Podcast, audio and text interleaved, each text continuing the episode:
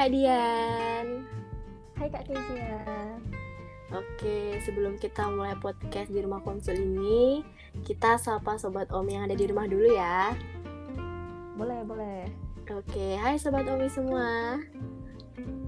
Hai sobat Omi. Oke deh, kembali lagi nih di podcast rumah konsul dan masih dengan para intern. Perkenalkan nama saya Kezia. Dan saya Dian, yang berdua akan membahas hal yang menarik, gak kalah menarik lah dari podcast-podcast yang lalu. Oh iya nih, Dian mau tanya, pernah nggak sih kalian dengar pernyataan kayak gini? Cowok nangis sih, kayak cewek aja. Hmm, sering banget tuh kak. Ada juga yang suka bilang cowok itu nggak boleh lemah. Nah, bener banget tuh.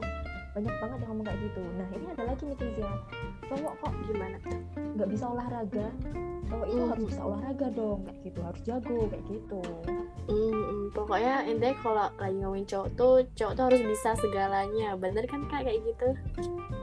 Iya bener banget, banyak yang bilang kayak gitu Nah pasti pernah sering Sobat Omi denger kan ya Padahal nih, hal itu merupakan salah satu bentuk dari toxic masculinity Sebenarnya apa sih toxic masculinity Kak Kezia? Oke, jadi sobat Omi, toxic masculine itu lahir dari konstruksi sosial dari masyarakat yang mengacu pada perilaku dan sifat yang dikaitkan dengan laki-laki. Toxic masculinity berkaitan dengan kejantanan yang didefinisikan sebagai kekerasan, seks, dan agresivitas, di mana kekuatan adalah segalanya dan emosi adalah kelemahannya. Jadi, toxic masculinity biasanya menuntut laki-laki untuk berpenampilan macho, tegas, kuat, tidak cengeng dan harus bisa dalam berbagai hal. Intinya biar eh, dominan gitu deh. Jadi bisa lebih mendapatkan rasa hormat. Nah bener banget itu, karena memang eh, di masyarakat kita pun cowok itu lebih eh, dituntut untuk menjadi dominan daripada cewek ya. Nah menariknya nih Sobat Omi, sebuah penelitian menunjukkan bahwa tuntutan semacam itu ke cowok itu membuat mereka nggak se, ekspresif cewek loh secara verbal sejak usia 2 tahun. Bayangin teman-teman 2 tahun. Nah ketika para cowok ini menginjak usia 6 tahun raut wajah cowok itu mulai nggak ekspresif cewek loh. Sekilas kayak nggak masalah ya kalau cowok itu dituntut uh, untuk mempunyai karakter maskulin semacam itu. Padahal nih ya karakter semacam itu terkadang bisa dibawa secara berlebihan loh sampai besar bahkan sampai uh, tua sekalipun seolah-olah kalau cowok itu sedih atau cowok itu mau curhat itu akan terlihat lemah. Hmm, bener banget tuh kak. Nah kadang hal-hal yang kayak gitu yang akhirnya membuat cowok itu nggak bisa mengekspresikan perasaannya. Dan cowok susah mengekspresikan mengekspresikan perasaan pastinya juga karena stigma dari masyarakat. Apalagi nih kak kita yang uh, ada di Asia nih tahu kan ya budayanya seperti apa? Yang pastinya cowok itu dituntut harus maskulin gitu. Beda dengan negara-negara uh, di barat sana yang lebih uh, ada freedom of speech terus juga uh, lebih ada kebebasan untuk berekspresi jadi ya intinya seperti yang aku bilang tadi cowok itu dituntut untuk maskulin. Ya Asia banget. Indonesia masih masuk Asia kan ya. Iya dong. nah, ini menariknya uh, pada akhirnya itu cowok itu boro-boro ya mereka itu mau curhat nunjukin sekedar ekspresi bahwa mereka itu sedih. Itu bahkan udah dibilang ah lu lemah ekstrimnya nih karena cowok diidentifikasi sebagai makhluk yang kuat sekedar minta bantuan aja. Kan loh hmm, bener. Aku jadi keinget lagunya tulus waktu Kak Dian bilang makhluk yang kuat gitu manusia manusia kuat. Oke, okay. nah ada nih juga yang namanya normatif male alexithymia. Sesuatu yang normatif di masyarakat tapi dianggap nggak ideal. Kenapa sih nggak ideal? Jadi sobat Omi, maskulinitas itu sedikit banyak memberikan tekanan pada laki-laki yang di mana hal ini jika tidak diatasi bisa mengakibatkan terganggunya kesehatan mental maupun fisik.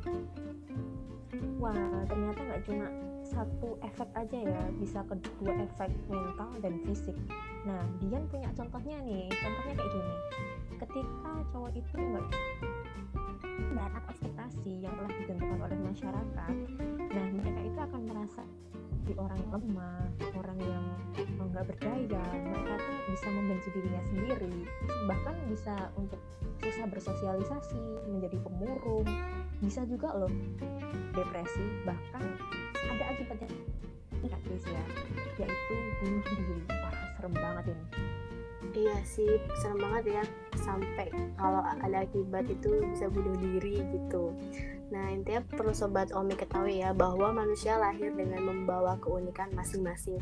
Nggak semua orang bisa disamaratakan. Begitu pula juga dengan kaum Adam gitu. Pasti juga kalau cowok-cowok ada yang manly, ada yang lemah lembut, ada yang tegas, ada yang maco, dan lain sebagainya dan semua itu bukanlah sebuah kesalahan dan kita tidak berhak untuk menghakimi seseorang. Justru kita harus menghargai orang lain. Nah jadi sebenarnya setelah kita sedikit membahas soal uh, kaum Adam nih sebenarnya cowok tuh boleh nangis nggak sih kalian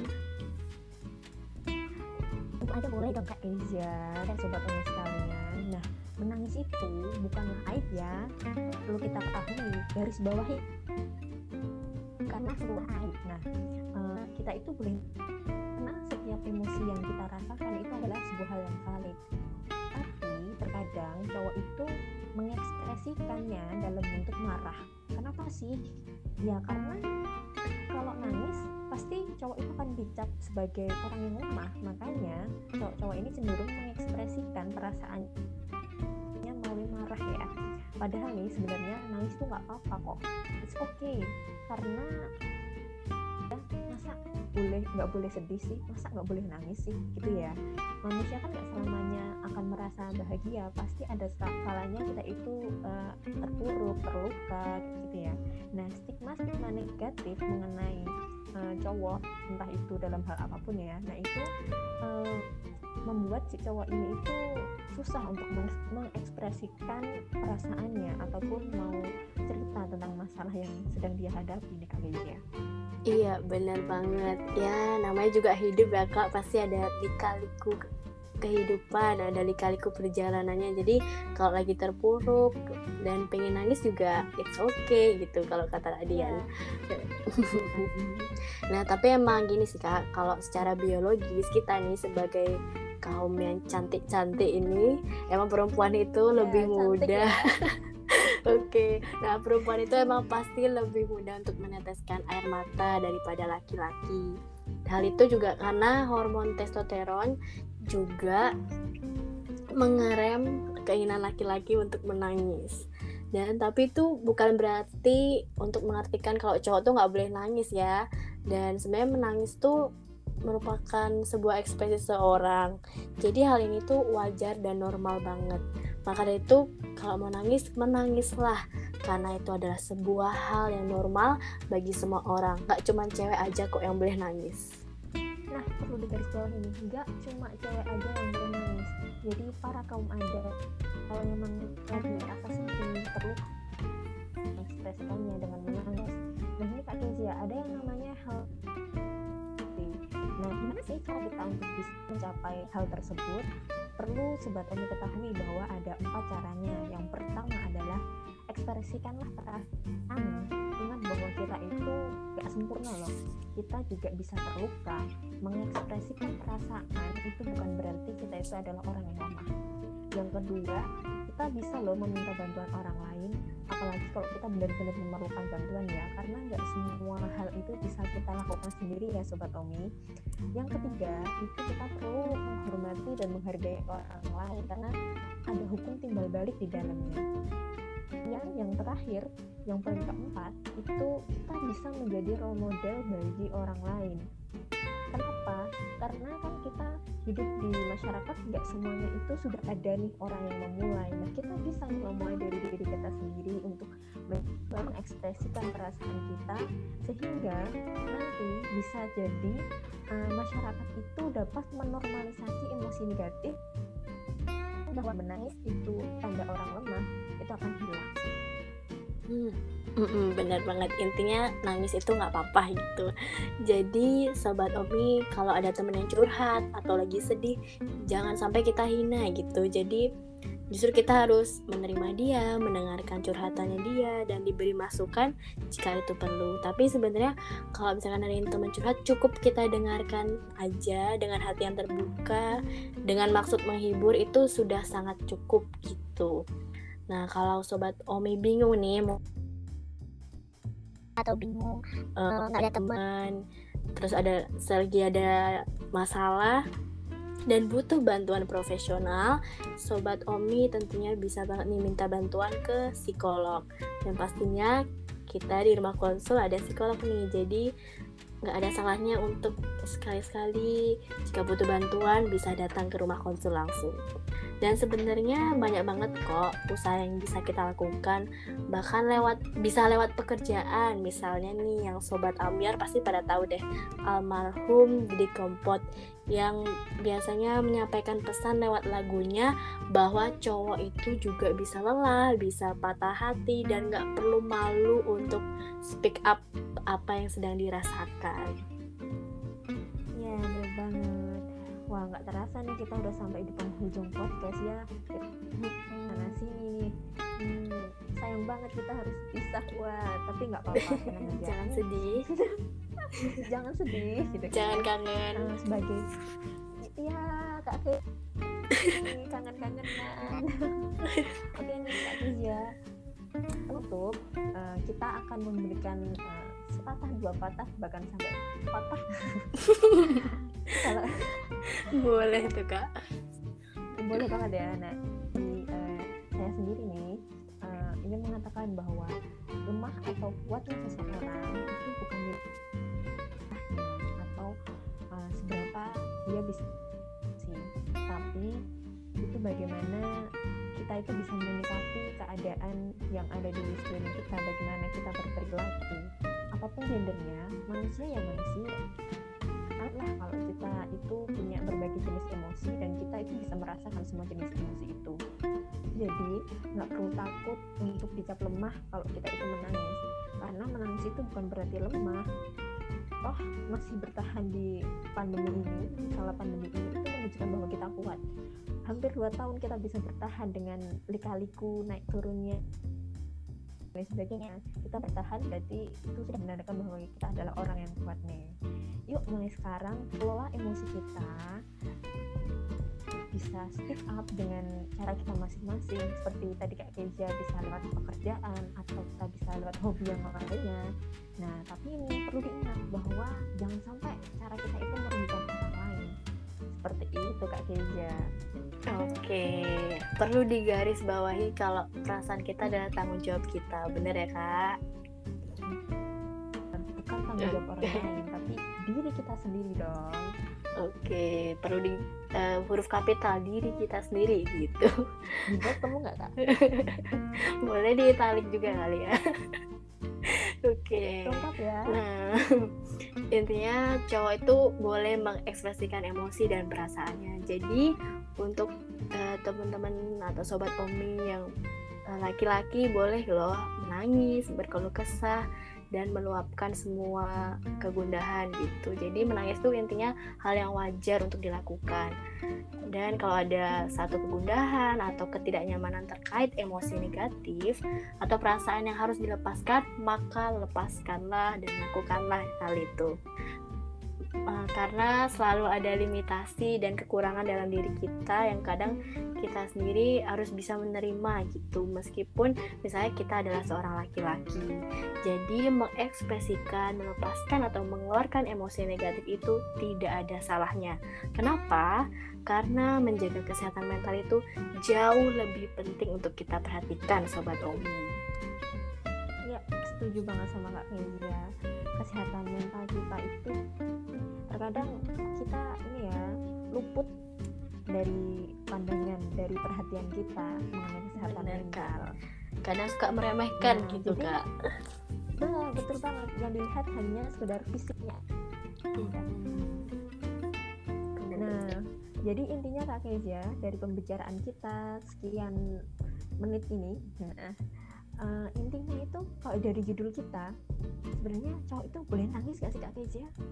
Hmm, boleh dong kak. Kita kan udah menjelaskan nih panjang lebar sampai kadang belibet gitu. Maaf ya sobat Omi semua. Intinya cowok tuh boleh banget menangis boleh berkeluh kesah. Bahkan nggak harus cowok gak harus cowok. Semua orang tuh ada hak gitu untuk mengeluarkan untuk mengekspresikan perasaannya. Nah bener banget. Setuju saya udah. Udah beli ujung nih. oke okay, kita bisa sambung lain kali. Oke. Okay, dari saya dia dan saya Kezia. Thank you sobat Sampai jumpa di podcast berikutnya. Terima kasih. Semua. Bye bye. Bye bye Kak Dian.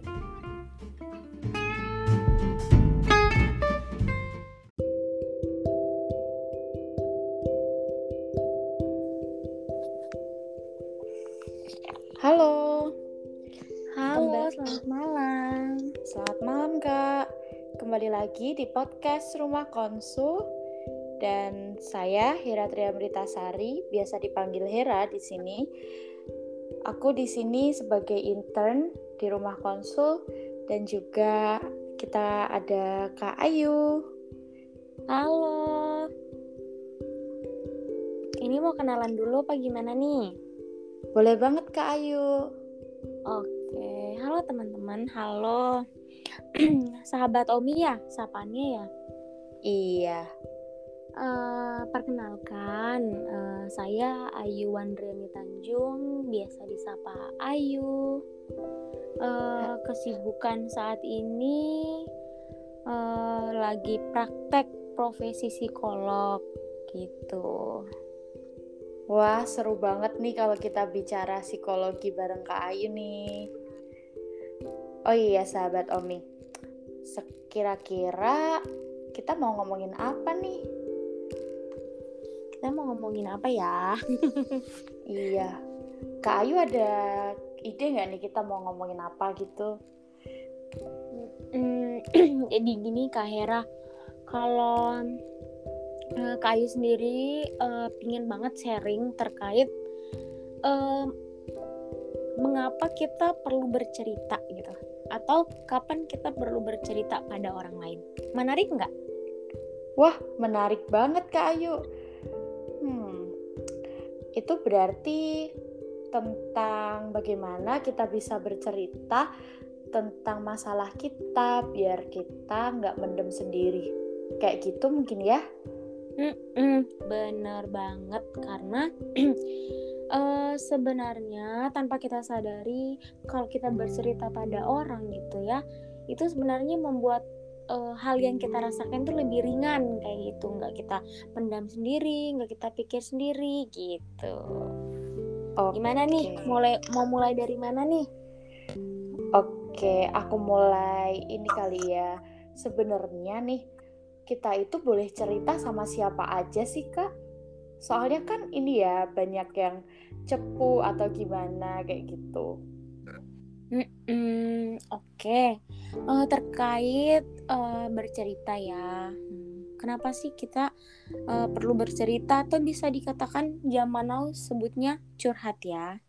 Mengapa kita perlu uh, curhat atau menyampaikan curahan hati gitu? Karena uh, menyampaikan atau bercerita tersebut membuat kita sebenarnya lebih ringan. Terus tadi Kak Hera nanya uh, dengan orang seperti apa sih kita perlu bercerita gitu ya? Karena sekarang banyak yang cepu. Cepu tuh istilahnya apa ya? Uh, Cep kayak... iya cepu itu kayak ini loh kak apa suka ngasih tahu ke orang kayak ember gitu loh oh gitu. Jadi apa yang kita ceritakan akhirnya diceritakan lagi ke orang lain gitu ya? Nah bener banget kak Ayu. Kayak gitu.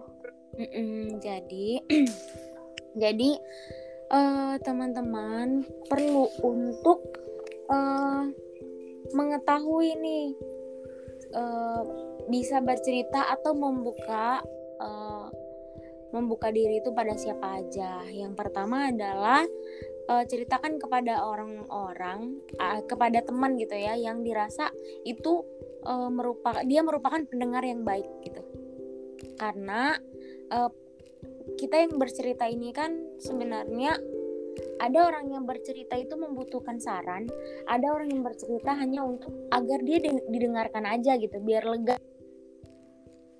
Yang pertama adalah kita harus mengetahui karakter teman mana yang merupakan pendengar yang baik. Jadi kayak gitu.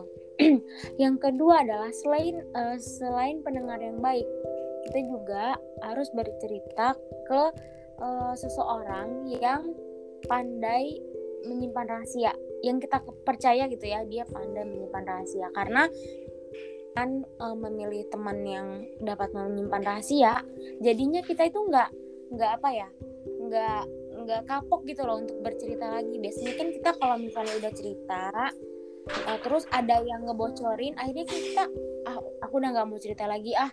Akhirnya kan ternyata satu pengalaman itu akhirnya menentukan ke depannya kita akhirnya menutup diri deh dari orang lain. Bener nggak kak? Iya sih. Aku juga ngalamin gitu.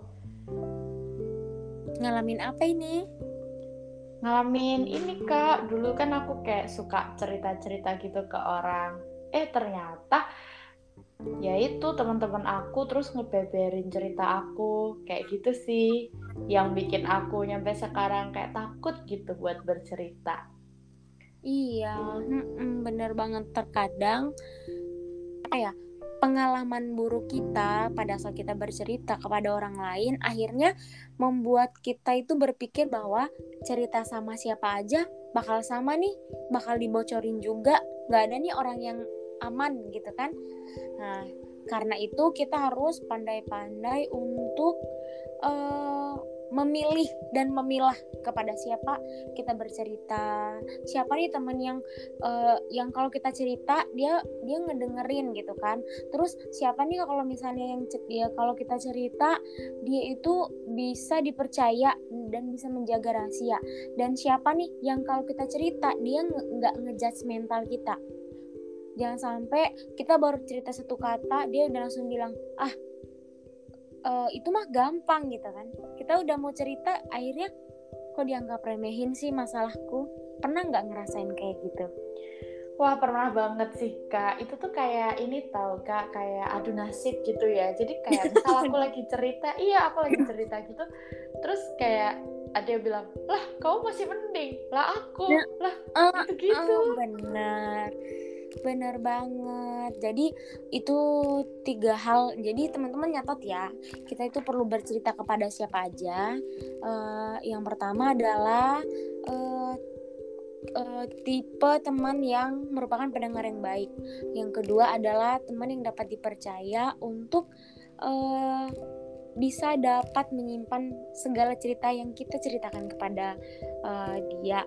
Terus yang ketiga adalah uh, teman yang kalau kita cerita dia nggak ngejudge mental gitu. Dia nggak dia nggak akhirnya ngebandingin masalah kita dengan orang lain atau malahan ngebandingin masalah kita dengan uh, masalah kita dengan dia gitu ya. Padahal kan sebenarnya seseorang itu punya masalah berbeda dan uh, seseorang juga punya upaya yang berbeda gitu dalam uh, menyelesaikan permasalahan tersebut. Jadi sebenarnya memang nggak bisa disamain. Kayak gitu. Oh Oke, menarik banget sih Kak kalau gitu. Tapi nih ya, kalau orang-orang zaman sekarang, ya termasuk aku juga nih, kadang tuh kalau cerita sama orang, kan kayak apa ya namanya, nggak dapet uh, kepercayaan gitu ya, soalnya udah pernah tuh dikecewain. Nah, terus kalau misalnya cerita sama Tuhan kayak gitu, dengan ibadah kita, kita bakalan dapet ketenangan hati sih. Cuman kan kayak apa ya, kita tuh kurang mendapatkan interaksi secara langsung gitu ya. Nah, terus aku itu memutuskan untuk coba deh cerita ke media sosial gitu. Aku mau cerita ke sosmed kayak gitu. Nah, kayak gitu tuh termasuk tindakan yang bijaksana nggak sih kak? Soalnya kayak sosmed tuh udah sesuatu yang melekat dalam hidup kita banget gak sih apalagi di era sekarang gitu Iya, benar banget. Bercerita ke sosial media gitu ya, terkait permasalahan yang kita uh, alami sekarang. uh, kalau misalnya teman-teman uh, sahabat Omi memiliki kebiasaan tersebut, uh, sahabat Omi harus ingat bahwa uh, rekam atau jejak digital tuh ada gitu ya. Apa pun yang kita tulis hari ini itu bakal tetap kebaca sampai berapa tahun-tahun kemudian uh, kemudian. Jadi jika cerita tersebut akhirnya akan berdampak buruk pada teman-teman itu mending gak usah deh gitu.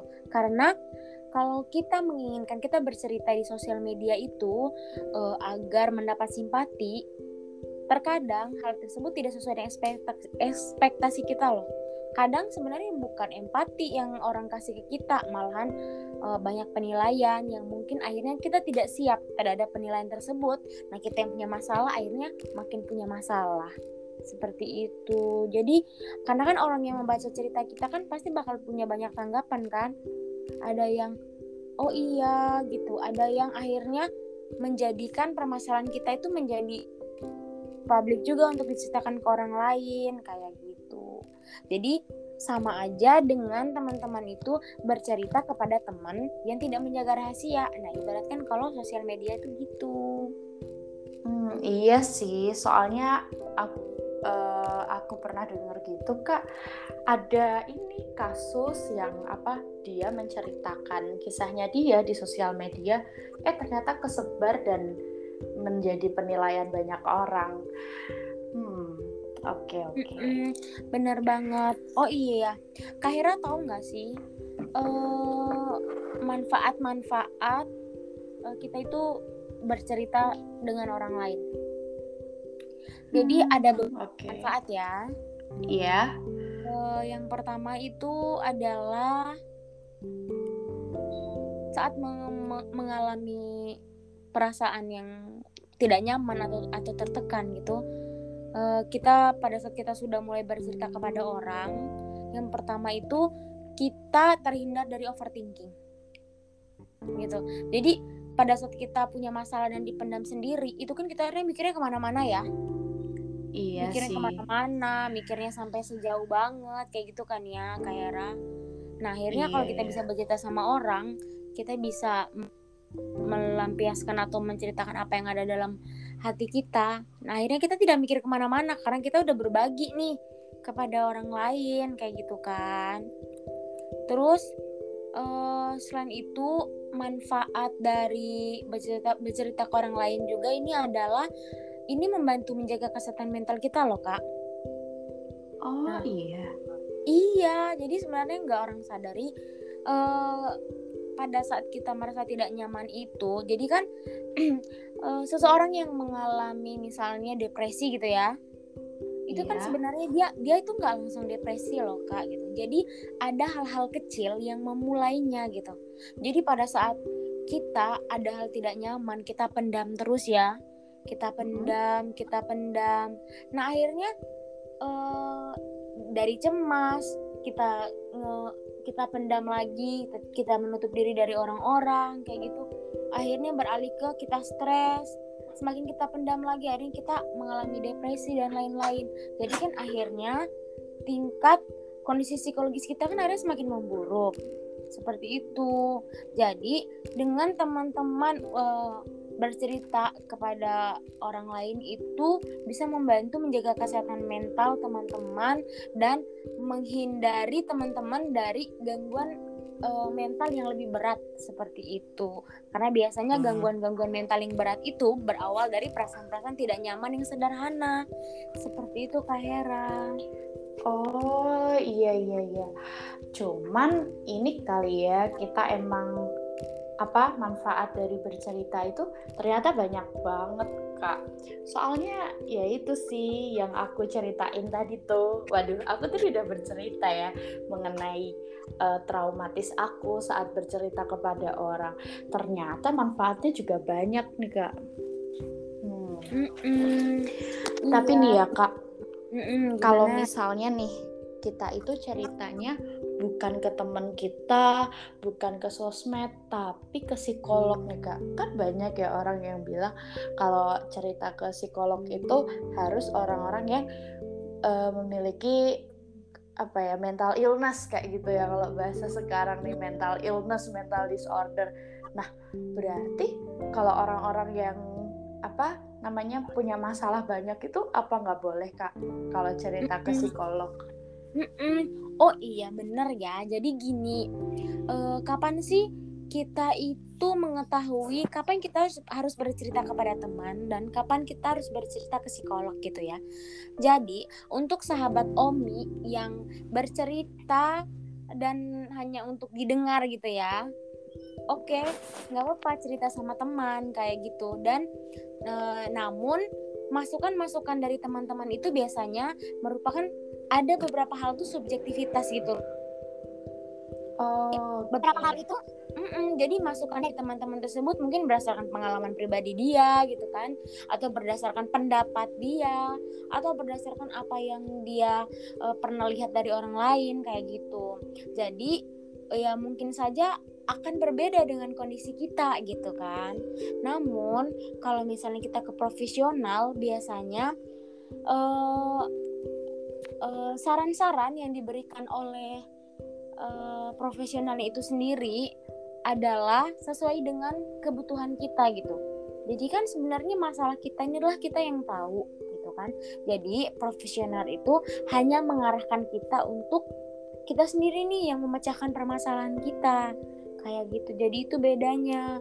Kalau misalnya teman-teman bercerita kepada teman-teman dan ada masukan nih terkait permasalahan yang teman-teman hadapi, dan masukan dari teman-teman lain itu adalah subjektivitas kalau aku sih ya mending kamu putus aja gitu kan soalnya aku yes. dulu gitu kan so ya, soalnya ampun. aku dulu tuh kayak gini menurut aku laki-laki yang kayak gitu tuh sama semua gini gini gini nah ternyata iya yeah. ternyata kan ya masukan itu kan subjektivitas ya berdasarkan iya. pengalamannya tadi ya ampun itu relate banget sih kak sama aku. Ya aku malu jadi nggak apa-apa semua orang tuh okay. punya permasalahan sendiri gitu ya. Nah bener Kaira jadi kalau misalnya cerita tadi dibawa ke psikolog nah psikolog nanti akan mempertimbangkan terkait oh apakah itu yang kamu butuhkan gitu kan? Menurut iya kamu sih. bagaimana? Nanti akan dikembalikan ke kita lagi. Jadi ya itulah perbedaannya gitu. Jadi kalau misalnya teman-teman memang membutuhkan arahan atau mungkin teman-teman punya masalah tapi benar-benar nggak tahu titik permasalahannya sampai di mana itu nanti bakal dibantu oleh psikolog untuk menggali permasalahan teman-teman. Jadi itu bedanya ya. Uh, jadi jangan punya ekspektasi kalau cerita sama uh, temen itu bakal permasalahan itu bakal sama penjelasan sama psikolog itu beda banget Kaira gitu Oke, berarti ini ya stigmanya salah ya kak kalau yang psikolog itu cuma buat orang yang mental illness atau yang mental disorder. Kita yang emang udah mentok banget nih masalahnya, bingung mau cerita ke siapa, ke psikolog juga bisa kan kak? Iya, bener banget. Jadi gini ya, uh, kita itu dalam keseharian itu pastilah ya punya hal-hal di luar diri kita atau eksternal yang kita nggak bisa kontrol ya. Misalnya stresor-stresor eksternal gitu. Nah kita juga berkait kadang juga ada beberapa hal yang berkaitan dengan faktor internal itu dari diri sendiri. Jika uh, hal tersebut yang kita rasakan atau ketidaknyamanan kita rasakan itu berlangsung gak lama jadi ya berarti nggak apa-apa kayak gitu loh. Karena kan memang suasana emosi manusia itu kan up and down itu kan biasa ya. Namun kalau hal tersebut sudah mengganggu aktivitas kita sehari-hari gitu ya, mengganggu makan kita, mengganggu tidur kita, mengganggu peran kita dalam bekerja dan mengganggu aktivitas sosial kita, nah berarti kita udah butuh ke psikolog ini. Hmm, Oke oke oke. Misalnya kalau apa ya kayak permasalahannya udah bener-bener mentok gitu, mending ceritain aja sih ke psikolog. Nah, iya benar banget. Iya sih kak kalau pengalaman aku nih ya karena aku udah punya trust issue, waduh bahasanya trust issue gitu sama teman-teman, kayak gitu aku terus melampiaskan apa ya namanya permasalahan aku itu ke tulisan-tulisan kak. Jadi kayak aku nulis-nulis di blog kayak gitu. Ya emang tulisan-tulisan ini aja sih apa kayak receh-receh aja tapi itu membantu aku sih kak kayak gitu nah kalau kita bercerita mungkin sama kali ya dengan mengekspresikan apa ya perasaan kita gitu sehingga kita jadi tidak apa overthinking seperti itu kayak yang dikatakan Mbak Ayu tadi. Iya benar banget. Jadi sebenarnya banyak hal ya yang kita lakukan kalau memang kita tidak bisa berbicara secara bercerita secara langsung uh, dengan teman-teman.